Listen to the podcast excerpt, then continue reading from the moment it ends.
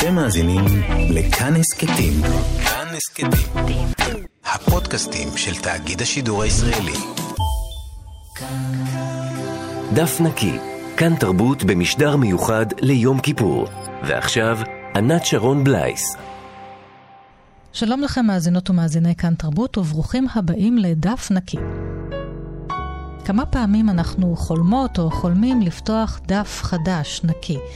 לעשות איזה שינוי משמעותי בחיים שלנו. למשל, לעזוב מקום עבודה, לשנות מקצוע, להתחיל לעסוק במשהו שלא העזנו קודם. אז בתוכנית שלפניכם אני מארחת שלוש יוצרות שחלמו והעזו.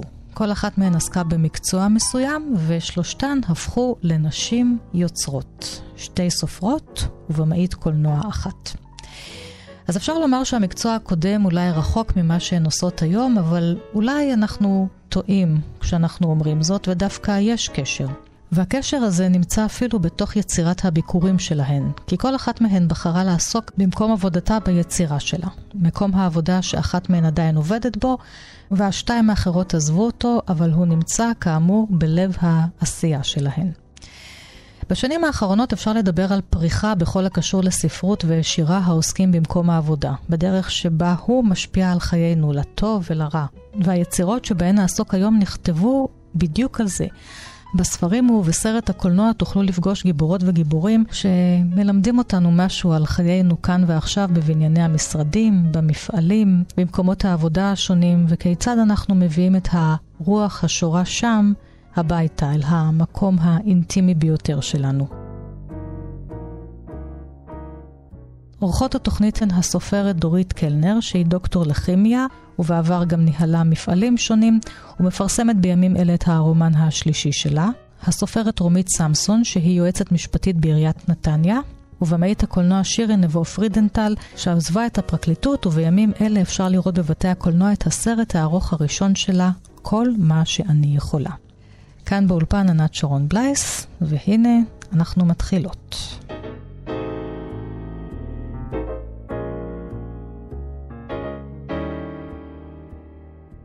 שלום לדורית קלנר, שמפרסמת בימים אלה את הרומן השלישי שלה.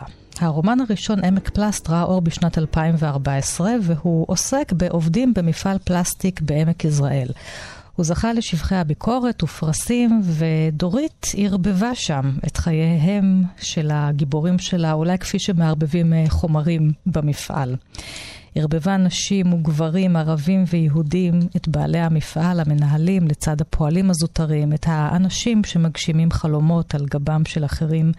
כולם כולם נפגשים מדי יום על רקע נופו של העמק, ובראשם הגיבורה דפנה, שהיא מנהלת הפיתוח, מנהלת המעבדה, והיא גם נשואה ואימא לשני ילדים. שלום, דורית. שלום, שלום לך, ענת. כמעט רציתי לקרוא לך דפנה. כי. פתחת דף חדש, דף נקי, הפכת להיות סופרת אחרי שנים רבות שבהם uh, עסקת uh, בכימיה בתפקידים השונים שלך, בין היתר גם ניהלת מפעלים, ניהלת עובדים, והדברים שאת כותבת בספר uh, מוכרים לך מאוד. כן, זה נכון. אם כי אני לא הייתי קוראה לזה פותחת דף חדש, כי אני חושבת שהדברים שלובים זה בזה. אה, קודם כל, אה, הספרות וטקסט והשפה העברית היו בשבילי תמיד מאוד חשובים, ותמיד עסקתי בהם, אם לא בצורה מקצועית, אז אה, בכל אופן זה עניין אותי מאוד. ולמעשה אני מרגישה שכל השנים הללו גם כתבתי, כתבתי בראש, כן? התבוננתי בסצנות, איבדתי אותם בראש שלי לטקסטים, זה תמיד היה לי מאוד מעניין. ואם כי לא הנחתי אף מילה על הנייר.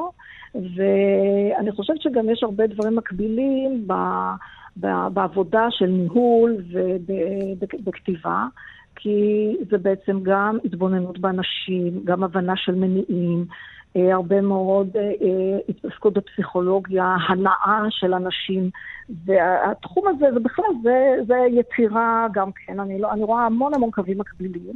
לנהל... העניין הזה של לנהל פרויקט. כן. זאת אומרת, כתיבה זה גם פרויקט, וגם את צריכה לעשות הרבה מאוד בחירות כל יום, כל רגע, איך את רוצה להציג את הדברים, מאיזה נקודה, אפילו אם יש לך איזה סצנה, את יכולה להתחיל אותה מאלף ואחת כיוונים, את יכולה להתחיל אותה מה, מהדלת, את יכולה להתחיל אותה מצד, ואותו דבר גם בניהול של מפעל, את צריכה כל הזמן לעשות בחירות, וכל הזמן להתבונן ולפתור בעיות מכל מיני כיוונים ולהיות מאוד גמישה.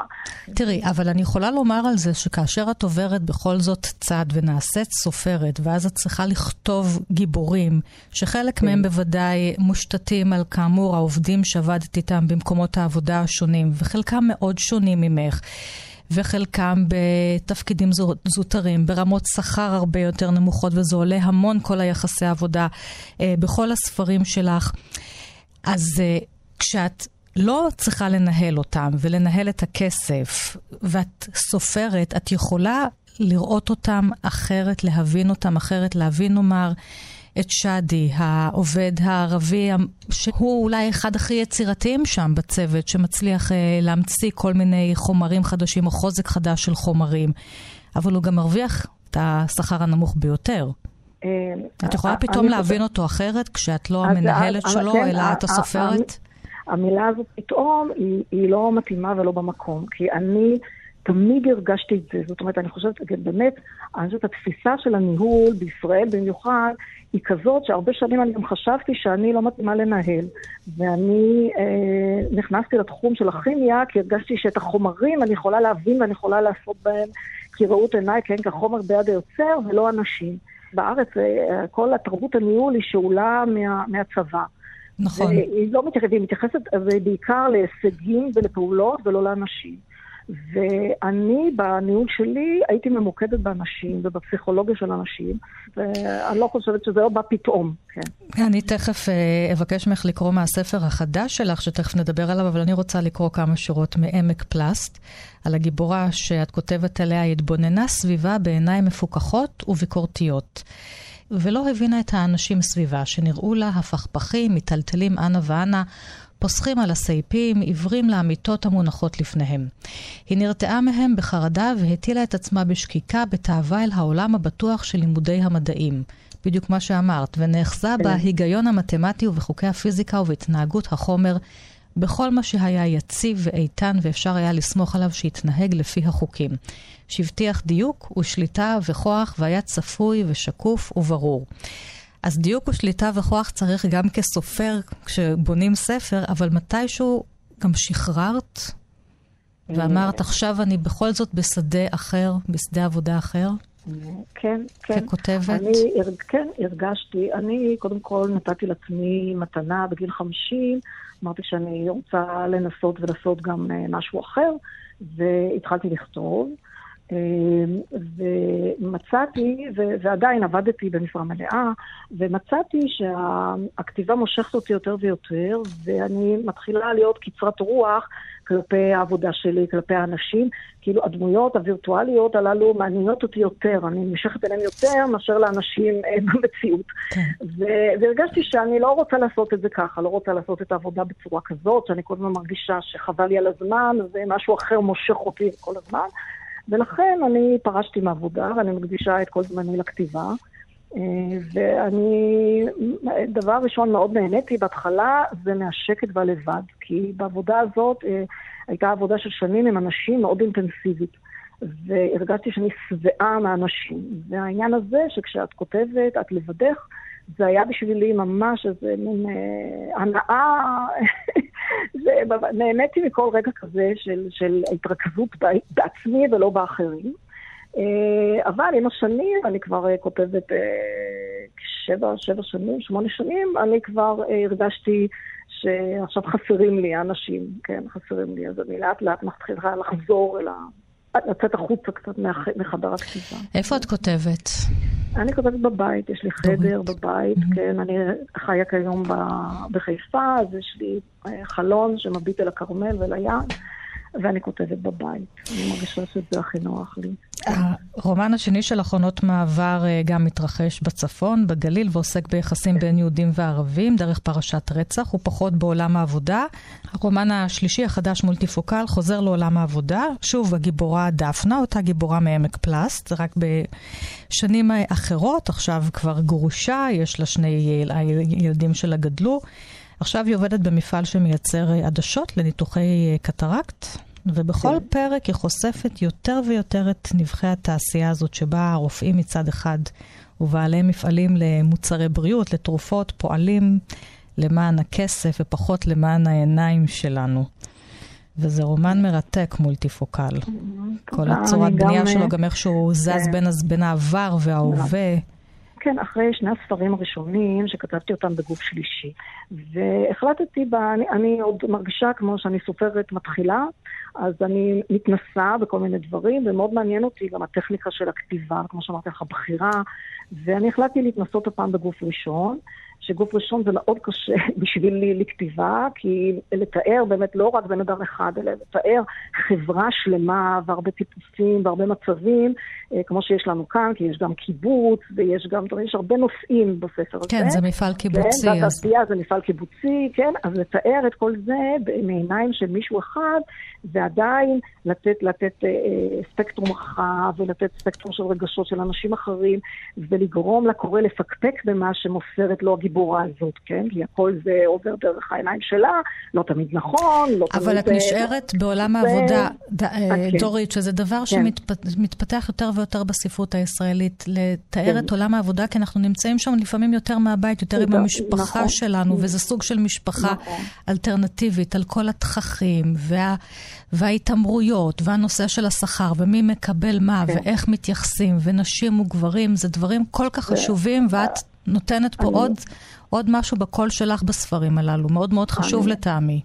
אני, אני מסכימה איתך, אני חושבת שזה לא מיקרו-קוסמוס, זה הקוסמוס. כן. אני חושבת שהעבודה זה, זה מקום שבאמת נפגשים בו כל כך הרבה אנשים ומשפיע על כל התחומים, וגם אה, מואר, מוארים בו כל מיני קונפליקטים, קונפליקטים חברתיים, אה, סוציאליים, אה, קונפליקטים של כסף, של כוח, כן?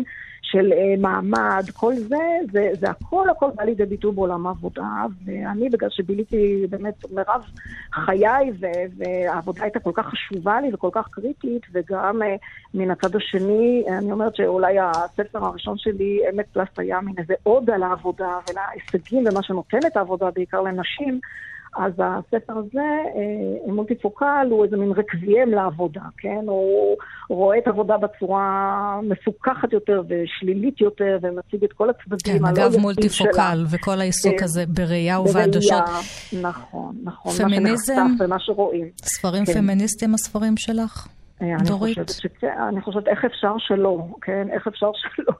אני אומרת, זה, זה פשוט, אה, כל פעם מדהים אותי מחדש שיש נשים שמצהירות שהן לא פמיניסטיות. זה, זאת אחת התנועות החשובות ביותר של, ה, של הנאורות, וזה משהו ש, שקיים ושעדיין לא הגיע להישגים, ושעדיין יש כל כך הרבה מה לעשות, ושכל כך חשוב ל-50% מהאוכלוסייה וגם ל-50% השני. אז אה, זה מבחינתי, זו נקודה מאוד מאוד חשובה. ונשים משחקות אצלי תפקיד אה, מאוד חשוב כן. בספרים שלי. אני אבקש ממך לקרוא ממולטיפוקל קצת, מהרומן אה, האחרון כן. שלך, השלישי. כן, בבקשה. כן. כן, אני רוצה לקרוא קטע שמראה גם את, ה, את הגישה, נגיד, ההומוריסטית או הצינית שיש אה, לגיבורה שלי, דפנה, למצב שהיא הגיעה אליו. אז היא אומרת, משום כך, כשקיבלתי סוף סוף מאיתן המנכ"ל הצעת עבודה או טיוטה של חוזה, ידעתי ישר מה טפל ומה קריטי. כמובן, עכשיו כבר לא הייתי מתחילה ועמד לרשותי הניסיון שלי רב השנים, אבל הייתה לי גם לואיזה אן ויינקרופט, PhD, MBA, LLM, בוגרת אוניברסיטאות עילית וסמנכ"לית בהייטק ומחברת רב המכר העולמי להילחם כמו גבר, לנצח כמו אישה, שתורגם ל-22 שפות כולל סינית.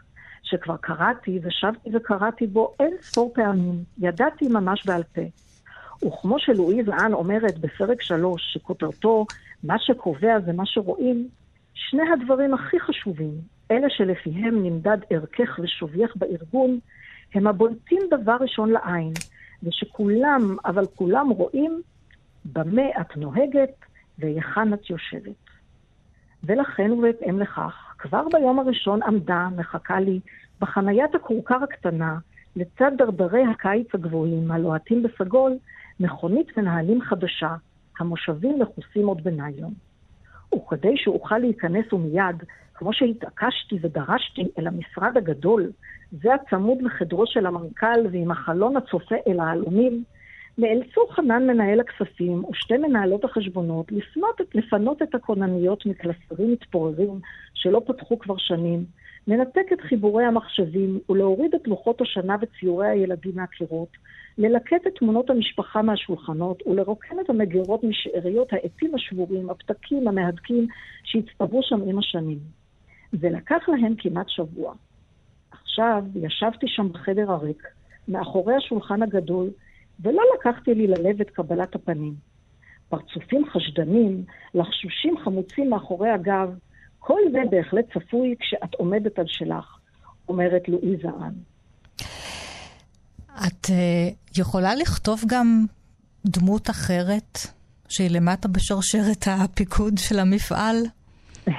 מהפועלי ייצור, מאלה ש, שלא מפ, לא מפנים עבורם את החדרים, זאתי שנאמר נאלצה לפנות את החדר עבור הגיבורה? בוודאי, בוודאי שאני יכולה, ואם קראת את עמק פלאסט, אז אה, כן. את, למה את מכירה וראית את הגיבורים. אני רוצה, אחת מהגיבורים בעמק, מהגיבורות בעמק פלאסט היא אה, פקידת הקבלה, אה, יעלי. כן. אני רוצה לספר שזה היה מאוד מעניין, גם ההתפתחות כסופרת, שאני כתבתי את, ה, את הפרק הזה, כי חשבתי הרבה איך להתחיל את הספר, ואמרתי, אני אתחיל אותו בצורה טבעית, איך נכנסים למפעל? נכנסים דרך uh, משרד הקבלה. אז התחלתי במשרד הקבלה וביעלי. וכל כך מצא חן בעיניי האלי הזאת, היא כל כך דרשה שהתעניינו בה, אז, אז ככה היא צמחה והפכה להיות אחת הגיבורות החשובות של הספר. טוב, אז זאת אולי גם דרך לשלוח את כל המנהלי מפעלים והמנכ"לים למיניהם בחברות, לכתוב ספרים ולכתוב את האנשים, את הדמויות. אה, שהם מנהלים אותם. כן, כן. ואז אולי להכיר אותם טוב יותר, להתבונן בהם. כן, להתבונן בהם. כן, הסופרת דורית קלנר, תודה רבה לך, תודה רבה, ושתהיה שנה טובה וכתיבה טובה. תודה רבה גם לך, ענת, תודה להתראות. להתראות, ביי ביי. דף נקי, כאן תרבות במשדר מיוחד ליום כיפור. ועכשיו, ענת שרון בלייס. מאזינות ומאזיני כאן תרבות, אתם מאזינים לתוכנית מיוחדת, דף נקי, שיחה עם שלוש נשים שעבדו במקצוע אחד ופתחו דף חדש, דף נקי, והפכו לנשים אה, יוצרות, נשים כותבות.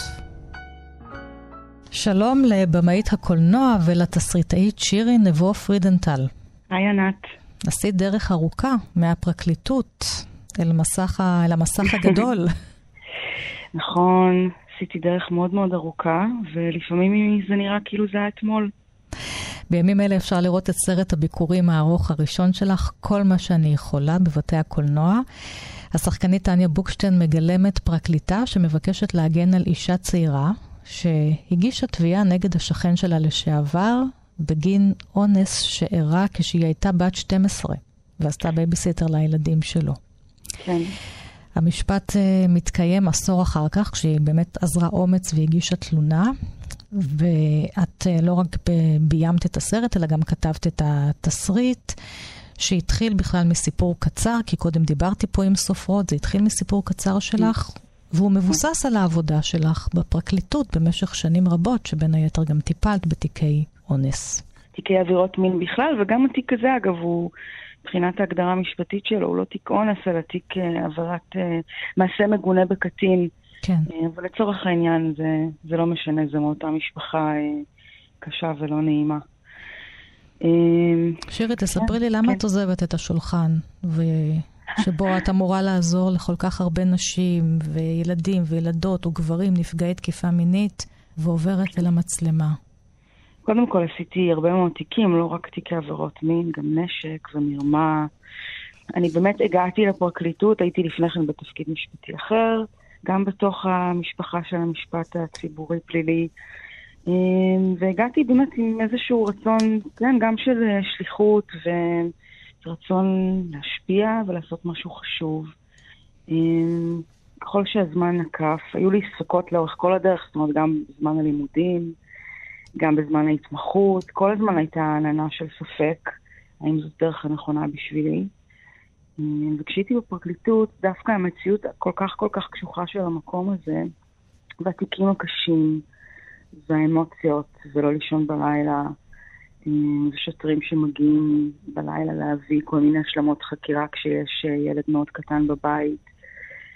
כל הסביבה הקשוחה הזאת הייתה קטליזטור בעצם מבחינתי להבין שאני לא אמורה להיות שם, לא כי זה קשה, אלא כי אם אני לא אתחיל ליצור, אני פשוט אה, לא, לא אתקיים. זה פשוט הבנה שהלכה וחלחלה עמוק יותר ועמוק יותר ועמוק יותר, שאני חייבת להתחיל ליצור. לא ידעתי, אגב, מה. לא ידעתי מה, לא היה לי מושג. לקח זמן לקלף הרבה מאוד שכבות ולהבין שאני חייבת לחזור לאהבה הכי גדולה שלי, שזה הקולנוע, ושבעצם לא נתתי לעצמי רשות לחלום על דבר כזה. גם היום, אגב, עוד לא נראה כן. לי לגמרי הגיוני, למרות שהיום הכל נראה הרבה יותר פרוזאי, וכן, פתאום כל ה... הרגשת שמה, שהנפש הולכת וכבט בעבודה הזאת, שאת כן. צריכה באמת להיות יום-יום מול כל האלימות הזאת? וגם את לא באמת תמיד יכולה לרדוף צדק, צדק תרדוף, כי לפעמים, פעמים רבות, זה נגמר בפשרות, כמו שאגב, גם דברים ש... שעולים בשיחה שם בין הפרקליטים בסרט שלך. נכון. כן, זה מאוד משקף את המציאות במובן הזה שבאמת הרבה מאוד תיקים נגמרים בהסדרי טיעון. ואגב, גם בסרט העמדה שלי לגבי זה היא אמביוולנטית, זה לא שאני חושבת שזה הרע המוחלט. כן. זה חלק, זה, זה חלק ממציאות מאוד מאוד מורכבת, לפעמים זה הפתרון הנכון. אה, זה פתרון אבל מאוד, שמאוד מאוד קשה לעכל, כי עמוק בפנים אנחנו רוצים אה, כל מיני תוצאות של צדק אולטימטיבי, אלוהי, זה לא קיים במציאות כמעט אף פעם, אם בכלל. אני חושבת שאצלי זה היה שילוב של שני דברים, זה גם היה, גם הייתה השחיקה שלי בתור בן אדם מאוד מאוד רגיש, מאוד נקשר לאנשים, לסיפורים שלהם. אמ, גם השחיקה הזאת וההבנה שאני לא יכולה להמשיך ככה לאורך זמן.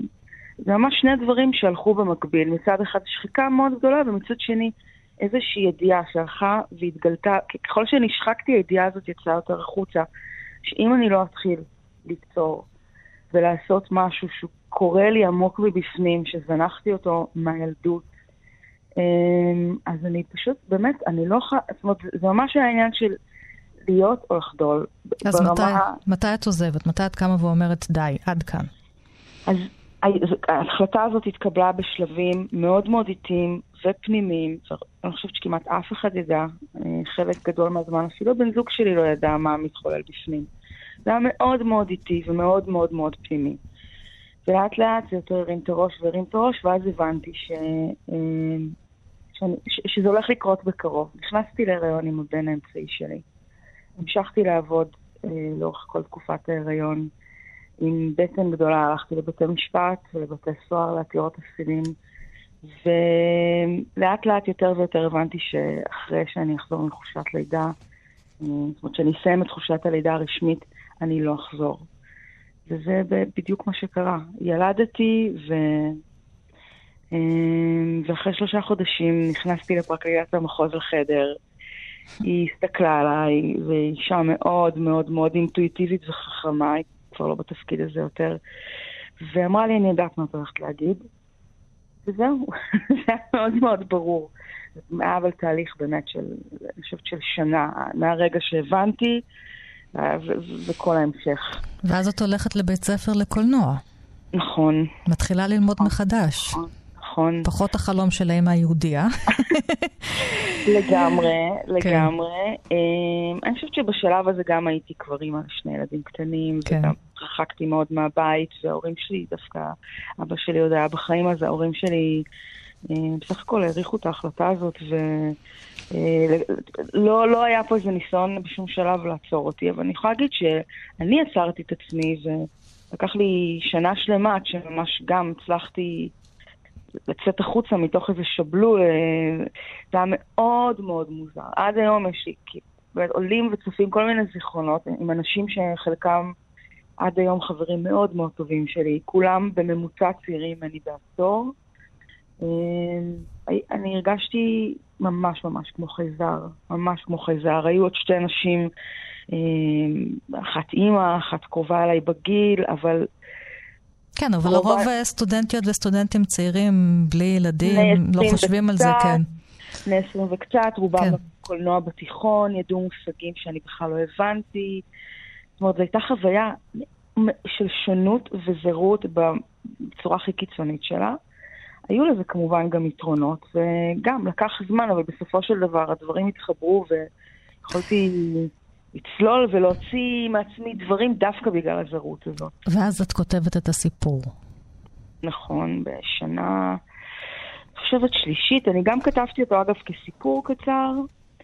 הסיפור הקצר שכתבתי היה על משהו אחר בכלל, היה על הרגע שבו הבנתי שאני אה, רוצה, זאת אומרת, הרגע שבו הבנתי שאני רוצה לעזוב. אמרו, היו כמה רגעים כאלה, אבל זה היה אחד החזקים שבהם. אבל כן, את סרט הגמר שלי, אה, בסרט הגמר שלי כבר התחלתי לצלול לתוך העולם הזה של עבירות מין. בעצם גם עסקתי בתיק של עבירות מין, מזווית אחרת שלו. ואחר כך הוא התפתח לסרט... הוא התפתח, כן. לסרט הארוך, כל מה שאני יכולה. כן. תראי, בתוך הסרט הזה אנחנו גם עדים למערכת היחסי העבודה בתוך הפרקליטות עצמה. זה אניה והאישה הצעירה שהיא מגנה עליה שתי נשים מול סוללת גברים, הנאשם והגברים שמנסים להגן עליו, וגם יש שופט. כן. אז יש כן. פה גם אמירה מאוד uh, משמעותית על איך מתנהלים התיקים האלה בבתי המשפט. אמירה על ההתנהלות של הפרקליטות, על יחסי העבודה ויחסי הכוחות. כן, התנהלות של הפרקליטות ושל מערכת בתי המשפט ושל הסנגורים, של כל הקומבינציה הזאת. חשוב, חשוב לי להגיד, זה לא שכל הדיונים הם רק עם גברים. אה, יצא לי להיות עם שופטות נשים, סנגוריות נשים, יש כל כן. מיני, ושופטות, ויש כל מיני תמהילים, ויש גם סנגורים שהם סנגורים אה, יותר אה, רגישים למתלוננות, זאת אומרת, יש כל מיני תמהילים, אבל באופן אישי, היו לי הרבה מאוד תיקים שהיו מאוד מאוד דומים לסיטואציה הזאת, מאוד מאוד דומים, שהרגשתי שאני בתוך boys club. ו... מועדון ו... גברים. מועדון גברים לחלוטין. אמ, ו- וזאת סיטואציה נורא נורא נורא קשה כשמגיעים עם מתלוננת, אי אפשר להסביר כמה. יש משהו בעולם הזה שהוא עולם גברי מול נערה אחת, אישה אחת, אה, לא משנה באיזה גיל, אה, והיה לי מאוד מאוד חשוב לשרטט את התמונה הכביכול קיצונית, כי כמו שאמרתי על הסקאלה יש כל מיני סוגים של דיונים. אה, אבל בסופו של דבר זו תמונה שהיא מאוד מאוד מייצגת, וגם אני יכולה להגיד שבמציאות יש סיטואציות הרבה יותר קיצוניות, ואני עידנתי יותר, הרבה יותר דברים. יותר קיצוניות מהסרט, את אומרת. בטח. בואי נשמע בטח. קטע שבו כבר אחרי הדיון בבית המשפט והחקירה הנגדית המאוד קשה, השופט קורא להם uh, לחדר שלו ואומר, טוב, צדק צדק תרדוף, והיא גם משביעה אותך, האישה הצעירה, ש... שלא תהיה עסקת טיעון. כן, הבת זוג שלה. הבת זוג שלה, כן. מה... כן, כן. Um, הבת זוג של האישה הצעירה שככה תומכת בה שתתלונן, שלא תהיה עסקת טיעון, שפעם אחת כאילו תלכו עד הסוף. כן. והשופט uh, מבקש משהו אחר, בוא נשמע קצת. אני חושב שאנחנו בבעיה. אני מאוד הופתעתי לשמוע את הגרסה של הנאשם היום. ואני חושב שאין מנוס מלזמן את אפרת להעיד שוב. אני חייב לשמוע את הגרסה שלה לסיפור הזה. אבל איך, אדוני? היא הרי מאושפזת בגלל ההליך הזה ממש. אדוני ראה את חוות הדעת הפסיכיאטרית. אז מה את מציעה, סלוצקי? שאני אקבל את הגרסה שלו, as is? בוודאי שלא. אני מציעה שלא תיתן משקל לגרסה הכבושה שלו בכלל. לא, לא, לא. אני לא עובד ככה. אני לא רובוט. מצד שני, ברור לי שאם אני אזמן אותה לעדות נוספת, מצבה הנפשי עלול להידרדר. נו, מלכתחילה טענו שהתיק הזה נשען על קירי תרנגולת. צריך לחזור מכתב אישום. אדוני קורא את המפה הלא נכון. אני כבר הרשעתי על סמך עדות יחידה בעבר. טוב, רבותיי, גברתי, לפעמים יש בתיקים מהסוג הזה איזושהי נקודה בזמן שבה הסיכויים והסיכונים של שני הצדדים שקולים. אני מציע שתדברו ביניכם. אז זה היה הקטע מהסרט. אה, דיברתי על זה שאתן כולכן גם אם החלפתן מקצוע, אתן נשארות בעולם העבודה, אתן עושות את היצירה שלכן על העבודה שלכן, על עולם העבודה. זה משהו שהיה ברור לך שזה מה שאת רוצה לעשות? זאת אומרת, הנפש הלכה לשם, או שניסית גם דברים, סיפורים אחרים? אז קודם כל, יש, אני, אני, את יודעת, יש לי עוד הרבה דברים שאני כותבת ומנסה לקדם, ואני מניחה שהסרט הבא שאני עובדת עליו, לא, לא מניחה, אני יודעת שהוא הולך לעסוק בנושא שונה לחלוטין, אבל אני הייתי במהלך כל הלימודים של הקולנוע, כמו אקדח טעון שרק רוצה להתפרק, לפרוק את עצמו. אמ, אני עדיין, אגב, לא מרגישה שפרקתי עד הסוף. יש גם, היו המון המון מקרים שנתקלתי בהם אה, לאורך כל השנים שלי במערכת, עוד מההתמחות, ואחר כך בתפקיד השני, ואחר כך בפרקליטות. אמ, גם מקרים שהם הם, הם אנושית, אמ, את יודעת, מקרים יוצאי דופן, מקרי קצה, מקרים מסעירים, מקרים שהופכים את הבטן, שגורמים לחשוב על כל החיים מחדש. וגם מאוד מאוד עניין אותי, ועדיין מרתק אותי העניין הזה של אישה בתוך עולם העבודה. כן. שאני חושבת שזה קודם כל דבר יחסית בהיסטוריה של האנושות לא מאוד מאוד ותיק. זאת אומרת, אה, אה, הדור של נשים בגיל של אימא שלי עשו דברים שונים לחלוטין עם החיים שלהם, ואני הרגשתי שאני עושה פה משהו יחסית חלוצי. אה, היום זה כבר כאילו יותר מובן מאליו, אבל לי זה אף פעם לא מובן מאליו. וזה משהו שמאוד מאוד מאוד אה, מעורר אותי.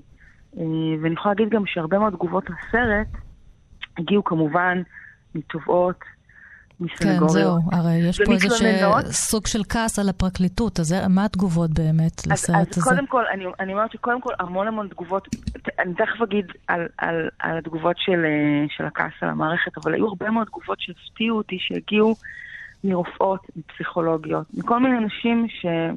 פוגשות את העולמות הקשים האלה ממקום אחר ומשלמות איזשהו מחיר שהוא מאוד ספציפי, זה לא ש... גברים לא משלמים את המחיר הזה, הם גם משלמים, אבל יש פה איזשהו ייצוג למחיר שאישה משלמת על עבודות שהן שוחקות רגשית כל כך. אמ, אני חושבת שממש נשים מסיימות אותו בגוף שלהם, במקום הכי אינטימי שלהם. בסרט זה עולה בסוגיה של אה, של העל-הורות והרצון לא להיות אימא, ומציב כל מיני סימני שאלה כן, במקום הגיבורה הזה. כן, הגיבורה, הפרקליטה, כן, מחליטה כן, שהיא לא רוצה ילדים. כן, כן. עכשיו, אני יכולה להגיד שבאופן אישי לי יש שלושה ילדים, כן. אבל uh, כתובעת, התפיסת מציאות שלי כל כך השתנתה והשתבשה, וזה לא קרה רק לי, זה תוצאה של טראומה משנית. ואני חושבת שזה משהו שנשים חוות מאוד מאוד חזק, כשהן עובדות בעולמות האלה, ופתאום אתה חווה את הכל מתוך המקום הזה של האימוץ, והאפלה הגדולה סביב זה, והחשד שמתעורר. אז מה אמרו לך לסיום? מה היו התגובות כן, של החברות כן. והחברים? של אלה שכביכול הפנית להם את הגב? אני חושבת שאחת ההקרנות הכי מרגשות שהייתה לי הייתה הקרנה שהגיעה לקבוצה הגדולה של פרקליטות, אה, מהפרקליטות הספציפית שעבדתי בה, ואני מאוד חששתי, כמובן, מאוד מאוד חששתי, אבל כולן כשהן יצאו היו עם עיניים אה, בורקות ודומעות. אה, כולן הרגישו שרואים אותן, ושרואים אותן פעם ראשונה אה, בצורה שהיא אותנטית ולא מניפולטיבית, וגם לא מעגלת פינות. אחד הדברים הכי יפים שנאמרו לי, זה שקולגה לשעבר אמרה לי, אני מרגישה עכשיו שקיבלתי חיזוק כל כך גדול למה שאני עושה בחיים, הן מבינות שהמציאות היא נורא נורא מורכבת, והן יודעות, את יודעת, בפרקליטות יש הרבה דלתות שיש עליהן סטיקר, צדק זה שם של כוכב. לא גיליתי להם שום דבר חדש. כן. אבל um, הסרט אומר משהו בנוסף לביקורת הזאת, ושם זרקור על החשיבות של האינטימיות והחסד שיכול להתגלות uh, ברגעים בלתי אמצעיים בין שתי נשים. גם במקום העבודה. בטח. אז אה, נאחל שהמטמורפוזה שאת עשית אה, תשפיע עלינו במקומות העבודה, ביחס של מערכת המשפט אלינו, של המדינה אלינו, האזרחים והאזרחיות. תודה רבה לך, שירי נבו פרידנטל. תודה רבה, ענת. הסרט תודה. כל מה שאני יכולה בבתי הקולנוע, שתהיה שנה טובה. שנה תודה. טובה וחתימה טובה. תודה רבה. ביי ביי. דף נקי, כאן תרבות במשדר מיוחד ליום כיפור. ועכשיו, ענת שרון בלייס. רומית סמסון עובדת כיועצת משפטית בעיריית נתניה שנים רבות, והרומן הראשון שלה, המטבח האחורי, ראה אור בעם עובד לפני כשנתיים, וזיכה אותה בפרס ספיר לספר הביקורים של שנת 2021. ברומן uh, כותבת רונית על uh, אנשים ונשים שחלק מהם מן הסתם היא פגשה במקום עבודתה, אולי עדיין פוגשת, אנשי עירייה, מועצות מקומיות, אה, קבלנים, יועצים משפטיים אחרים, אזרחים. אה, אנחנו לפעמים פוגשים אותם אה, בתקשורת, לאו דווקא בשל הניקיון והיופי של הכיכר החדשה, אלא בשל מה שמנסים להסתיר מאחור. אגב, השם של הספר המטבח האחורי, וגם זה נמצא פה הרומן המרתק הזה. במרכזו סיפור של אה, זוגות צעירים שנרשמו לפרויקט אה, דיור חדש במיטב כספם באחת מערי הפריפריה, אלא שהקבלן נעלם, והם פונים לעירייה שתיקח אחריות, כי הרי רצתה שמיזם הנדל"ן הזה יקום ויהיה אצלה, אלא שראש העיר מתנער, ולשם כך הוא כמובן מפעיל את המערכת המשפטית שלו.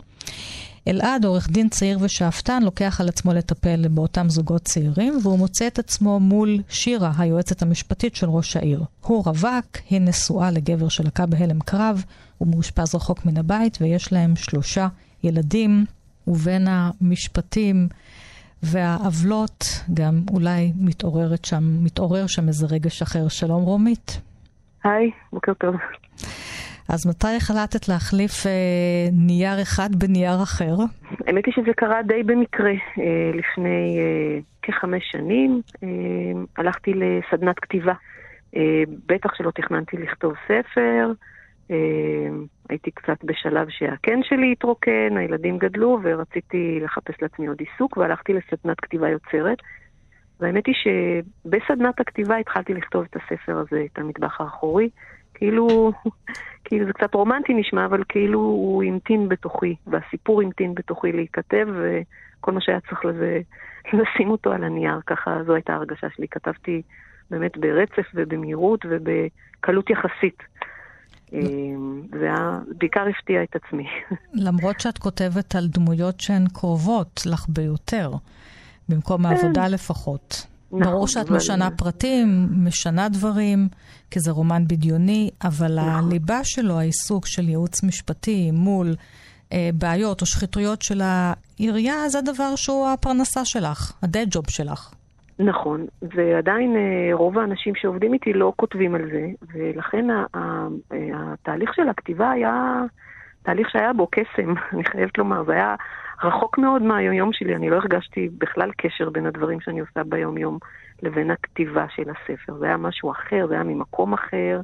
נכון, אני, אני יודעת איך נראית העירייה שלי, אני יודעת איך נראה הייעוץ המשפטי, כל הדברים האלה אני מכירה, אבל התחושה שלי הייתה ש, שדווקא שמתי פה, בתוך הרקע הזה של העירייה, אה, כל מיני דברים שקשורים לרגשות וליחסים ול...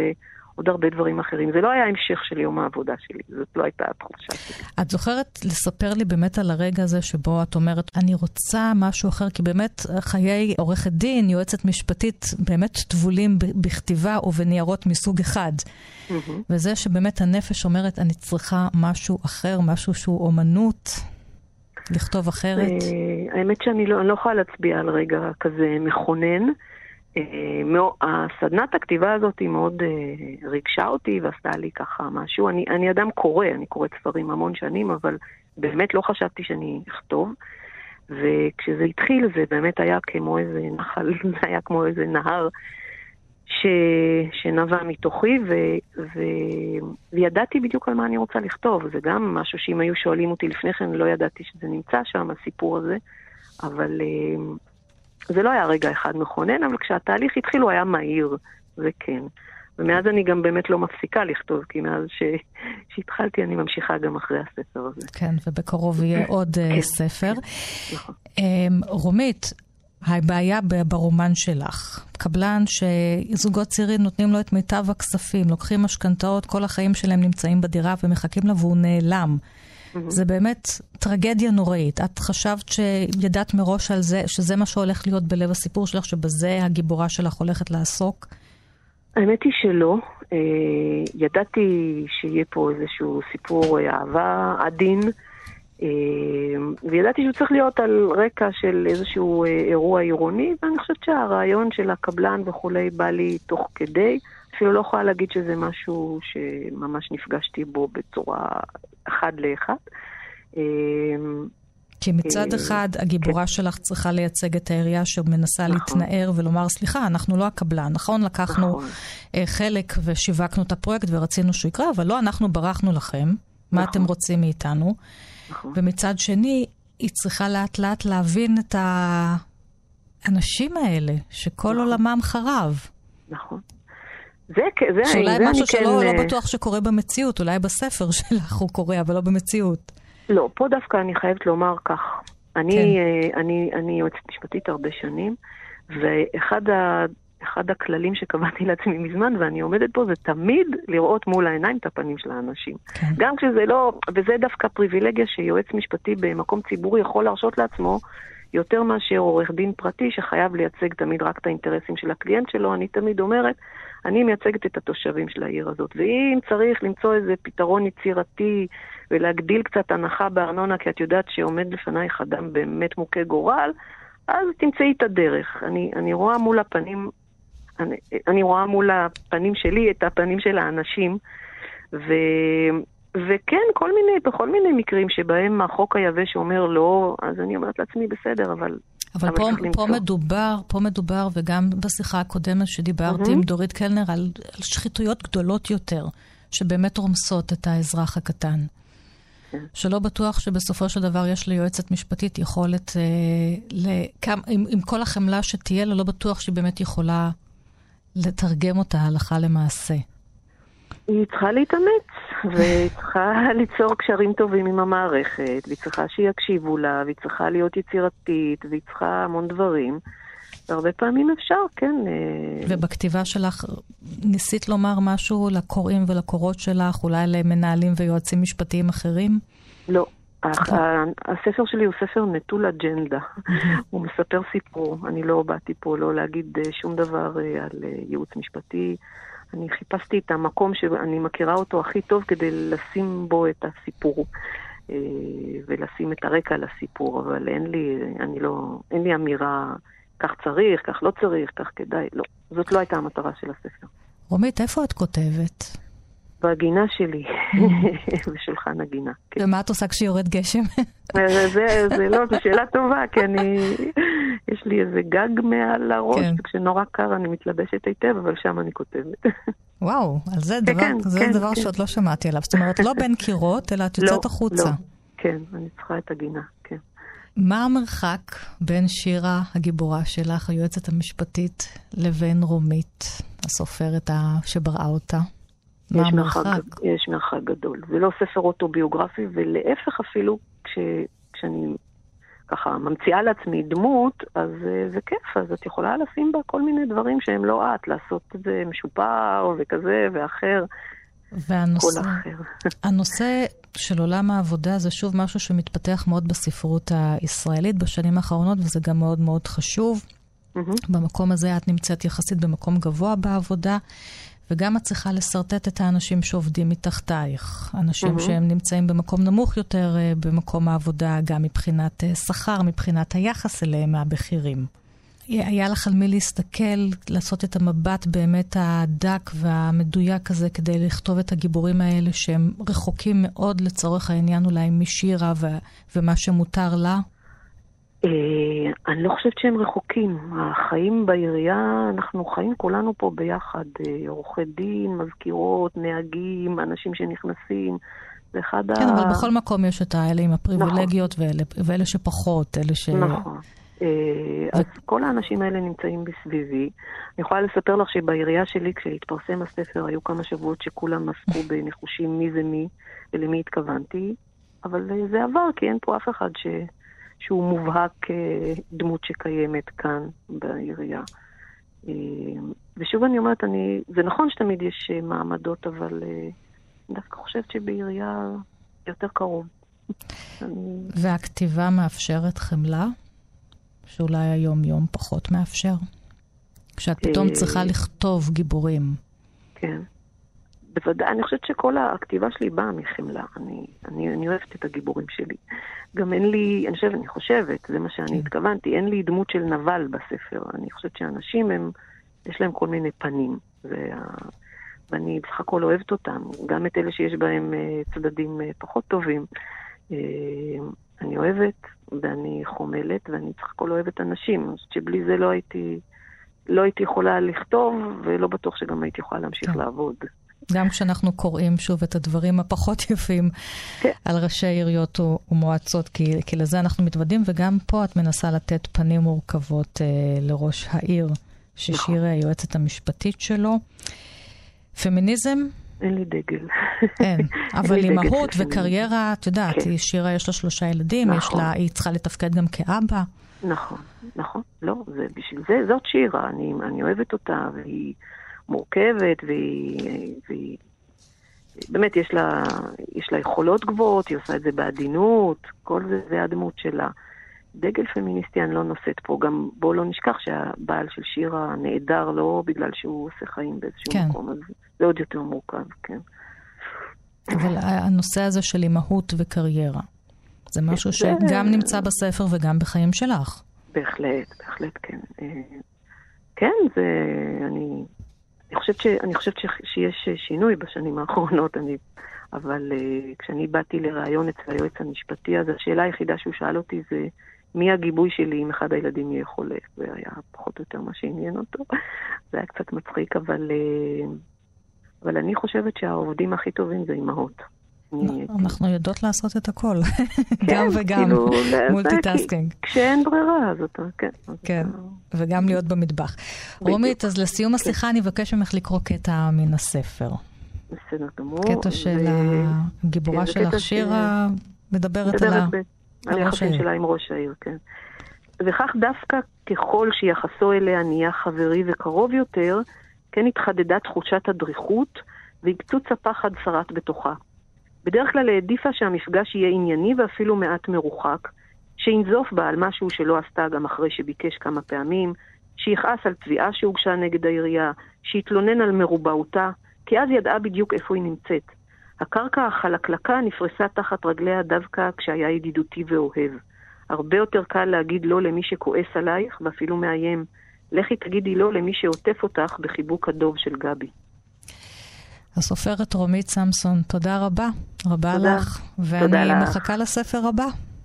תודה רבה. תודה. תודה. להתראות, להתראות. חג שמח, ביי, שנה ביי, טובה, ביי ביי. מאזינות ומאזיני כאן תרבות, עד כאן השיחה על דף נקי, על שלוש נשים שהפכו להיות יוצרות. תודה לאורחות שלי, הסופרות דורית קלנר ורומית סמסון, ולבמאית הקולנוע והתסריטאית שירי נבו פרידנטל. אני מאחלת גם לכם, מי מכם שרוצה או רוצה לפתוח דף נקי, שתהיה שנה טובה. אני ענת שרון בלייס, תודה לכם ולהתראות.